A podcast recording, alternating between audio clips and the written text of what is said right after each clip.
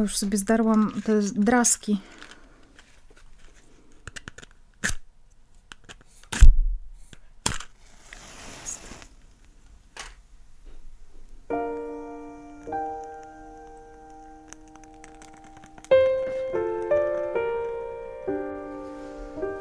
Dwudziesta druga świeczka mojego podcastowego kalendarza adwentowego właśnie została odpalona. A to czas na Wasze historie, to czas też na moją jakąś opowieść malutką. Więc dzisiaj byłam na Wilanowie. Na Wilanowie jest taki ukochany plac zabaw mojego siostrzeńca, Leona. I on wcale nie jest jakiś super, ale jest tam najwyższa zwierz do wdrapywania się. I on kocha się wdrapywać, więc w tej takiej brei, bo śnieg stopniał, jechaliśmy na ten Wilanów.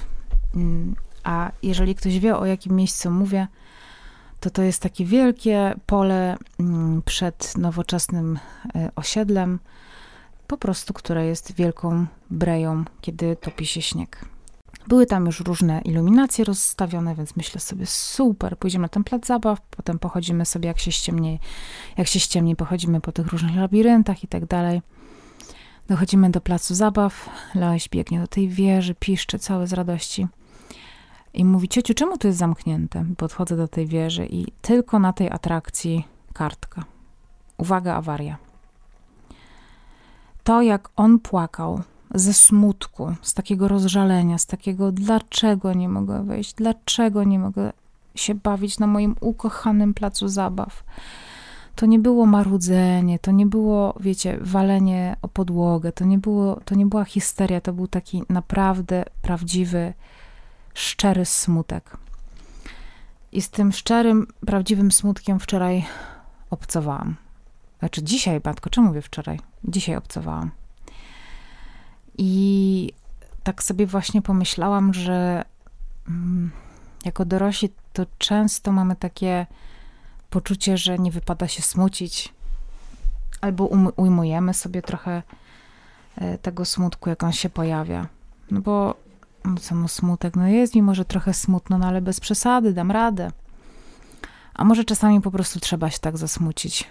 Po prostu jest mi smutno i nie mam siły udawać, nie będę udawać, że jest inaczej. Po prostu tak bardzo jest mi smutno, że wieża, na którą się chciałem wdrapać i o której marzę każdego dnia, kiedy siedzę w swoim rodzinnym mieście. I nie ma tutaj tego placu zabaw. I jak tylko jadę do Warszawy, to mam zawsze nadzieję, że na ten plac pójdę. I idę na ten plac zabaw. Mam go obiecany, to jest cała wyprawa. Jestem od rana sam ubrany, mam 4,5 roku. Jedziemy na ten plac zabaw przez całe miasto i się okazuje, że ta jedna atrakcja jest zamknięta. I to wywołuje smutek i nie ma co udawać, że jest inaczej i po co sobie to odbierać. I on płakał naprawdę długo i naprawdę długo było mu smutno. Mm.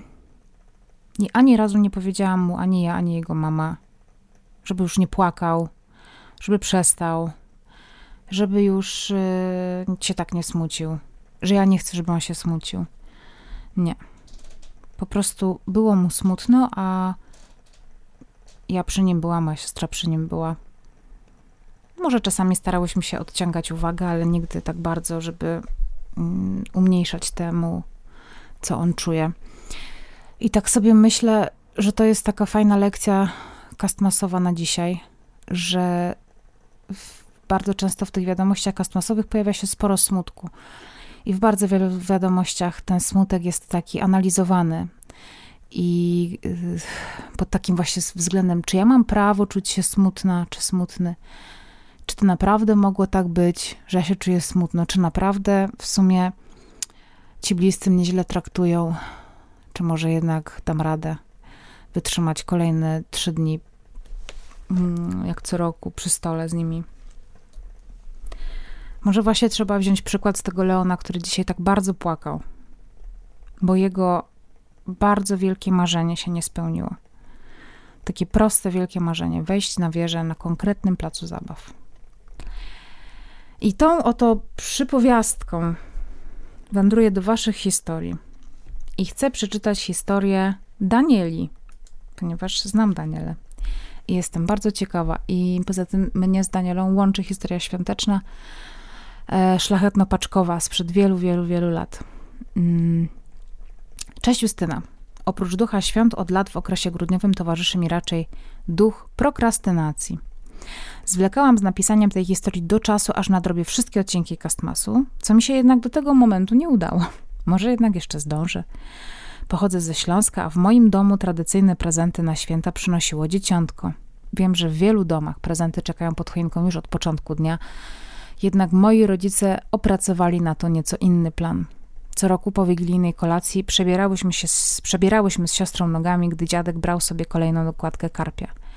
Zanim dzieciątko mogło przynieść prezenty, konieczne było posprzątanie stołu w dużym pokoju. Każdy z członków rodziny zabierał kilka misek czy talerzy do kuchni, a następnie któryś z dorosłych uchylał okno, żeby umożliwić dzieciątku wniesienie prezentów oczywiście. Następnie absolutnie konieczne było schowanie się w sypialni rodziców znacznie oddalonej od dużego pokoju. Mama zawsze wtedy przypominała sobie, że jeszcze coś na pewno zostawiała przy stole, co spotykało się z ogromnym zniecierpliwieniem moim i mojej siostry. Gdy wszyscy znajdowali się w sypialni, po kilku wydających się wiecznością minutach rozbrzmiewał dźwięk dzwoneczka, który oznajmiał, że zawitało do nas dzieciątko. Wybiegałyśmy wtedy prosto w kierunku choinki, żeby nacieszyć oczy prezentami, których jeszcze minuty temu naprawdę tam nie było. Co jednak w tej historii lubię najbardziej, to że nawet po zaprzestaniu wiary w dzieciątko nigdy nie kwestionowałam, jak prezenty znalazły się pod choinką. Dowiedziałam się dopiero lata później, gdy czytając książkę na kanapie i słuchając tatą jednej z jego płyt CD, po kilku minutach od ostatniego utworu rozbrzmiał właśnie ten dzwoneczek. Tata wtedy e, opowiedział, że, że dograł go na samym końcu płyty, a mama zabierając tę ostatnią rzecz ze stołu, włączała wcześniej specjalnie nastawiony odtwarzacz, po czym wyciągała prezenty za telewizora, gdzie podobno stały większą część Wigilii. Niesamowite jest dla mnie, jakim cudem nigdy nie połączyłam tych kropek i jak dzięki temu wspaniałe były dla mnie te magiczne świąteczne chwile. Dziękuję za serię Castmas, do której już od trzech lat pakuję prezenty, jak zwykle na ostatnią chwilę. Pozdrawiam ciepło, życzę wszystkim, aby ich święta były właśnie tak magiczne, jak moje z dzieciństwa. Bardzo fajna historia. Monika. Bezdzietni. Trochę przykra historia ze spoko zakończeniem. Ta forma podcastu, Justynko, jest super. To nieprawda, że pójście na łatwiznę. Poświęcasz nam dużo prywatnego czasu. Nigdy nie chciałam mieć dzieci, jakoś nie rozczulały mnie niemowlęta, nie robiłam o, jak jakieś małe dzieci robiły urocze rzeczy. Prę, prędzej traktowałam dzieci jako ciekawostkę. Interesowało mnie, co siedzi w tych małych głowach i jak się rozwijają. No i oglądając masę programów o tym, zapragnęłam dziecka. Bałam się, że coś mnie ominie w życiu i będę tego bardzo żałować. Ale to chyba było podejście wywołane presją społeczną. Zaszłam w ciążę w październiku. Na święta mieliśmy ogłosić opowieści, yy, matko, wieści rodzinne. 1 e, grudnia dostałam krwawienia. W szpitalu się okazało, że to bliźniacza ciąża, ale się nie udało. W święta robiliśmy dobrą minę do złej gry i przyjmowaliśmy życzenia od całej rodziny, żebyśmy w końcu zaszli w ciążę. Nic Nikomu o tym wszystkim nie mówiliśmy, nie chcieliśmy współczucia i użalania się. To była nasza sprawa. Po tym wszystkim podjęliśmy decyzję, że nie zmienimy y, naszego stanu osobowego, zostaniemy my i dwa koty. Podoba mi się nasze życie. Nie ukrywam już przed nikim, że nie chcę dzieci, to żaden grzech. Jestem dobrą ciocią i to mi wystarczy. Sytuacja miała miejsce w poprzednie święta. Najbliższe zamierzamy spędzić pod kocem, będziemy jeść uszka z barszczem, mandarynki i oglądać Kevina. Pojedziemy na spacer nad morze, nie będziemy oglądać się na nikogo. Jesteśmy zadowoleni ze swoich decyzji, ze swojego życia i nie zamierzam się nikomu z tego tłumaczyć. I nikt nie będzie mi tego wygadywać. Wesołych świąt, mo. PS, jedyne czego mi brakowało, to z kimś pogadać o decyzji związanej z posiadaniem dzieci. Na Instagramie jest profil bezdzietni. Polecam. To ja też sobie tam pójdę, zobaczymy co ciekawego. Mm. Cześć wszystkim słuchaczom. Cześć Justyna. Pisze do nas mm, anonim. Zdaję sobie sprawę z tego, że tej wiadomości możesz już nie odczytać, bo długo z nią zwlekałem. Ja będę czytała wszystkie. Uznałem jednak, że jeśli sprawi ona, iż ktoś poczuje się choć trochę mniej samotny ze swoimi problemami, to powinien ją napisać, a przy okazji sam trochę się wyżalić i liczyć na to, że mi również pomoże. Z góry przepraszam za długość wiadomości. Zacznę od tytułowego lukru. Aha, bo mail nazywa się Lukrowana Gorycz. Zamysł i otoczkę świąt kocham. Uwielbiam słuchać i śpiewać świąteczne piosenki, dekorować choinkę, wieszać lampki po ścianach czy piec pierniki. A każda taka mała rzecz rozgrzewa moje serce. Częściej w tym czasie widzę uśmiech na ustach innych ludzi, mimo panującego powszechnie stresu, a to jest miłą odmianą dla tej pory roku. Tak jak wielu moich przedmówców, zawsze marzyłem o świętach w dużym gronie, pełnym żartów, kolęd, ciepła i zrozumienia. Niestety żadne tak nigdy nie wyglądały. Jak byłem jeszcze małym dzieciakiem, święta często spędzaliśmy u dziadków. Grono było całkiem liczne, ale nie brakowało odwiecznych kłótni, awantur, pędu, krzyków i odejść od stołu, co zawsze niszczyło moje pozytywne nastawienie do świąt. Później przeprowadziliśmy się z najbliższymi dosyć daleko od rodzinnego miasta, więc święta zaczęliśmy obchodzić raczej tylko w naszym domu, czyli maksymalnie w piątkę. Od tego czasu odbierałem święta jako bardzo sztywne, sztuczne, przygnębiające, krępujące i nieprzyjemne. Czułem się, jakby nie były czymś, w czym chcemy i możemy razem uczestniczyć, ale po prostu musimy, bo taka jest już tradycja. Do tego moje stosunki z rodziną drastycznie się pogorszyły w momencie, gdy dowiedzieli się, że jestem osobą homoseksualną.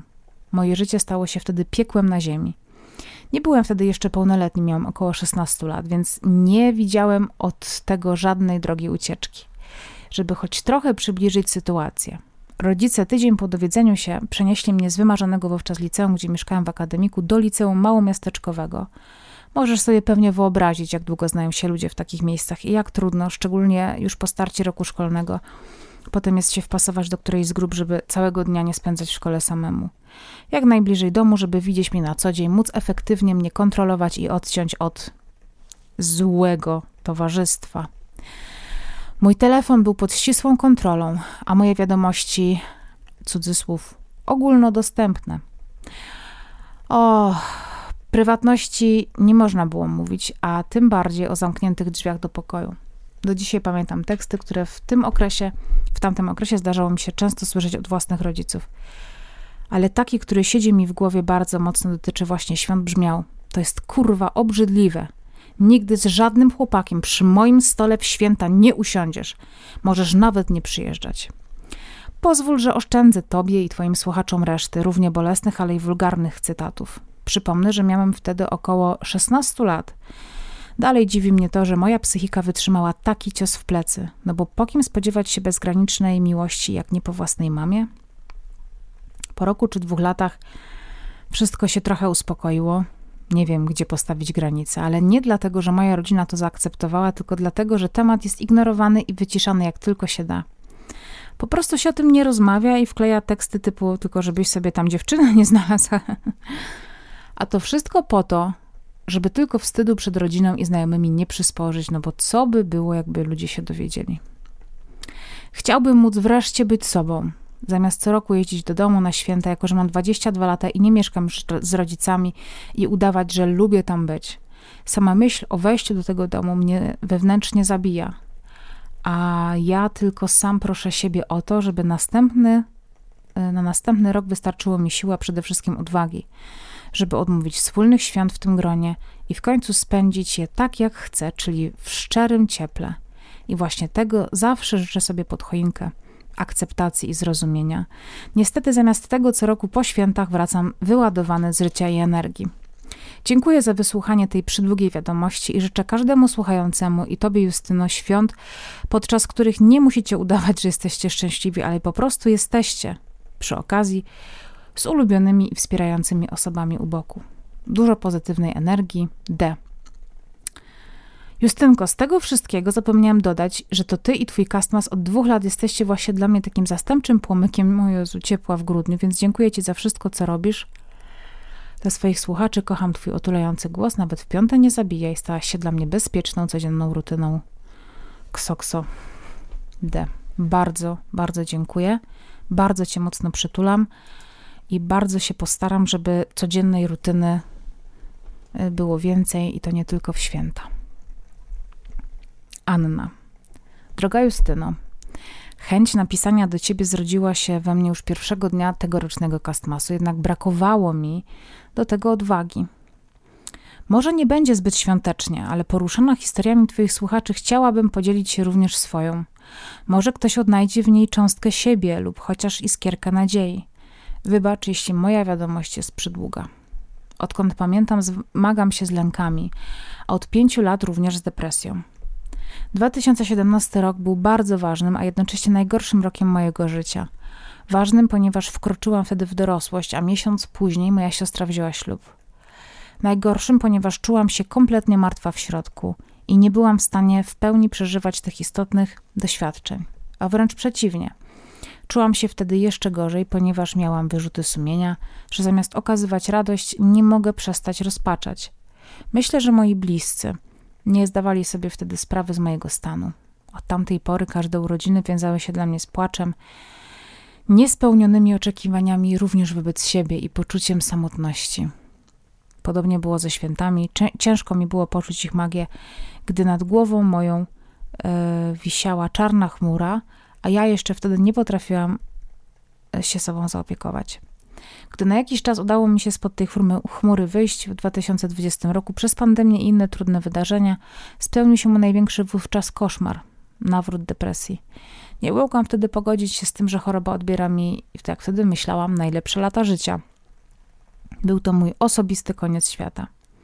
Obecnie mam 23 lata, od półtora roku uczęszczam na moją drugą w życiu, choć pierwszą skuteczną psychoterapię. Wiem, że idę dobrą drogą, choć bywa ona wyboista i czasem jestem zwyczajnie tą wędrówką zmęczona. Wtedy mm, otuchą są dla mnie innymi Twoje podcasty. Czuję się, jakbym odradzała się do życia na nowo i od zera uczyła się opieki nad sobą, pozwalania sobie na odczuwanie wszystkich emocji. Każdego dnia stawiam czoła dysfunkcyjnym przekonaniom o sobie, jak choćby takim, że nie jestem równa innym, bo jestem mniej ważna. Przełamuję również swoje zakorzenione lęki, jak chociażby dzisiaj, gdy byłam bardzo przejęta spotkaniem z Tobą we wrzeniu świata. A to Ty! Było to dla mnie pierwsze tego typu spotkanie. Jeszcze nie tak dawno pewnie stchórzyłabym, no bo jak to ja? Miałabym pozwolić sobie na to, żeby ktoś, kogo cenię, zobaczył mnie i porozmawiał ze mną jak równy z równym? Mhm. Dlaczego do ciebie piszę? Po pierwsze, dlatego, że chciałabym ci podziękować za stworzenie tak ciepłego, pełnego troski i akceptacji miejsca w internecie, za pokazywanie, że każdy z nas przeżywa swoje małe końce świata i nie jesteśmy w nich osamotnieni. Po drugie, chcę przekazać odrobinę pokrzypienia tym wszystkim słuchaczom, szczególnie wchodzącym w dorosłość, którzy mają podobne doświadczenia i obecnie nie widzą dla siebie szans. Te pięć lat temu nie potrafiłam sobie wyobrazić, że w 2022 roku w ogóle będę żyć, a jednak jestem tu i piszę tę wiadomość. Warto szukać pomocy i zaufać światu, że jest w nim dla nas miejsce bo jest, tylko musimy sobie pozwolić na zajęcie własnego kawałka przestrzeni. Dla mnie symbolem tego jest napisanie tej wiadomości. Ściskam mocno Ciebie i wszystkich, którzy tego słuchają. Życzę Wam spokojnych świąt. Dbajcie o siebie i nie poddawajcie się, bo zawsze jest nadzieja. PS. Po spotkaniu włączyłam sobie losowy odcinek Castmasu z zeszłego roku. Padło na ten zatytułowany Jesteście moim gwiazdkowym prezentem. Ku mojemu zaskoczeniu, pomimo że powstał rok wcześniej, opowiadał dokładnie o dzisiejszym dniu. O tym, że byłaś we wrzeniu świata, że spotkałaś się ze słuchaczami, że ich stres jest dla ciebie zrozumiały oraz że mają oni specjalne miejsce w twoim sercu. To jest prawda. Bardzo mnie poruszył, bo miał w sobie wszystko to, czego w tym momencie potrzebowałam. Ten przypadek to mój tegoroczny mały świąteczny cud. Bardzo mocno cię przytulam. Pamiętam cię oczywiście, Aniu, z wczoraj i yy, bardzo, yy, bardzo cię podziwiam, że się przełamałaś bo myślę, że nawet ja bym się nie przełamała, gdy, gdybym się czuła skrępowana, jakaś taka mm, zawstydzona, to mogłabym e, nie pójść. Teraz mamy jeszcze maila od Kuby pod tytułem Hmm, o wszystkim i o niczym. Droga Justyno, bardzo długo zastanawiałem się nad tym, czy napisać również jak inne bohaterki z 20 grudnia. Myślę, że są osoby, które mają problemy. Yy, z większą wagą od moich. Dzięki Tobie i temu, że w tym roku stworzyłaś przestrzeń na smutki i radości, czuję potrzebę, aby podzielić się z Tobą i słuchaczami moją skromną i myślę, że bez puenty historią. Zobaczymy, Kuba. Praca już nie sprawia mi tyle przyjemności co kiedyś. Przewijają mi się codziennie myśli, aby uciec gdzieś daleko i nie iść do niej. Mimo, że faktycznie nic złego tam się nie dzieje. Od pewnego czasu myślę, i myślę, że trwa to około półtora roku, zmagam się z obniżonym nastrojem oraz problemami psychosomatycznymi. Oczywiście diagnoza została postawiona samemu na bazie dostępnej literatury, czuję się um, niekomfortowo, ale jeszcze nie na tyle, aby konsultować to z lekarzem. Wszystko zaczęło się od złamanego serduszka i tkwienie w relacji z, z osobą, która zmagała się z depresją, która również udziela się tobie, jeśli starasz się być wsparciem dla kogoś. Zastanawiam się, skąd bierze się obecnie taką ilość osób, które cierpią na jakiekolwiek zaburzenia. Zaburzenia ma tu wydźwięk um, negatywny, żeby była jasność. Nie umniejszam żadnym cierpieniom, nie, nie neguję żadnej choroby. Z tego co wiem, jest to tendencja rosnąca. Od paru lat mieszkam tylko z tatą i moim bratem. Drugi brat, brat mieszka nieopodal. Mama opuściła nas, gdy byłem w pierwszej klasie szkoły podstawowej. Czy brakuje mi jej? Tak. Mamy kontakt telefoniczny. Nie jestem na tyle gotowa, by spotkać się z nią. W początkowych latach rozstania mieliśmy kontakt face to face. Strasznie długa i zarazem nieprzyjemna historia.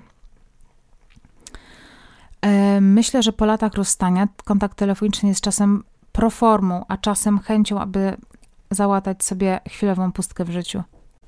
Najbardziej smutne były momenty, kiedy wszystkie dzieci robiły laurki w szkole na dzień mamy. Robiłem również, ale trafiała ona na półkę w domu i mama nigdy jej nie zobaczyła. Mama miała i nadal ma tendencję do zrzucania e, na wszystkich swoich problemów i zarzucania wszystkich swoimi problemami. Jestem właśnie po wysłuchaniu Kastmasu, w którym jedna z bohaterek straciła mamę w Wigilię. Miewam często myśli, jak poradziłbym sobie z brakiem mamy albo taty, jeśli nie byłoby ich na świecie. Strach i ból nie do opisania. Jechałem akurat samochodem i na samą myśl zakręciła mi się łza wokół. Mam wrażenie, że część historii pokrywa się z moją, a szczególnie chęć spełniania cudzych oczekiwań, tak jak w przypadku Magdy z tego samego Kastmasu. Ciężko jest streścić swoją historię w kilkudziesięciozdaniowym mailu, ale może przejdę do bardziej wesołej części życia. Oprócz tego, że początkowe dni grudnia sprawiają mi radość, a czas od 20 grudnia jest strasznie napięty i nerwowy, bo święta w naszym domu przebiegają pod znakiem intensywnych przygotowań. Częste kłótnie to podstawa. Dzień bez kłótni jest dniem straconym. W czasie świąt wszystko kręci się wokół tradycji religijnych i zagorzałego konserwatyzmu. Moja rodzina, a właściwie to jej część, nie akceptuje innych poglądów, a kwestia krytyki Kościoła jest odbierana bardzo negatywnie. Często kłócimy się o niektóre kwestie, e, lecz każda próba przekonania do swoich racji to walka z wiatrakami. Mimo tej zagorzałej części, którą pewnie część słuchaczy posiada w domu, mam dwoje wspaniałych i kochanych bratanków Z i J, którzy od paru lat wypełniają nasze święta radością i na nowo pozwalają cieszyć się tak zwyczajną radością spędzania czasu razem, którą myślę, że już dawno zatraciliśmy. Nie wiem, czy do końca to, co napisałem, ma sens. Po prostu chciałem napisać do ciebie, bo tak jak wcześniej wspominałem, udało ci się stworzyć bezpieczne miejsce dla każdego z nas. Dziękuję, że mogłem choć w jednym promilu coś powiedzieć o sobie. Mam nadzieję, że spełni się tobie wszystko, co uważasz w życiu za najcenniejsze, Kuba. Kubusiu. To piękny mail.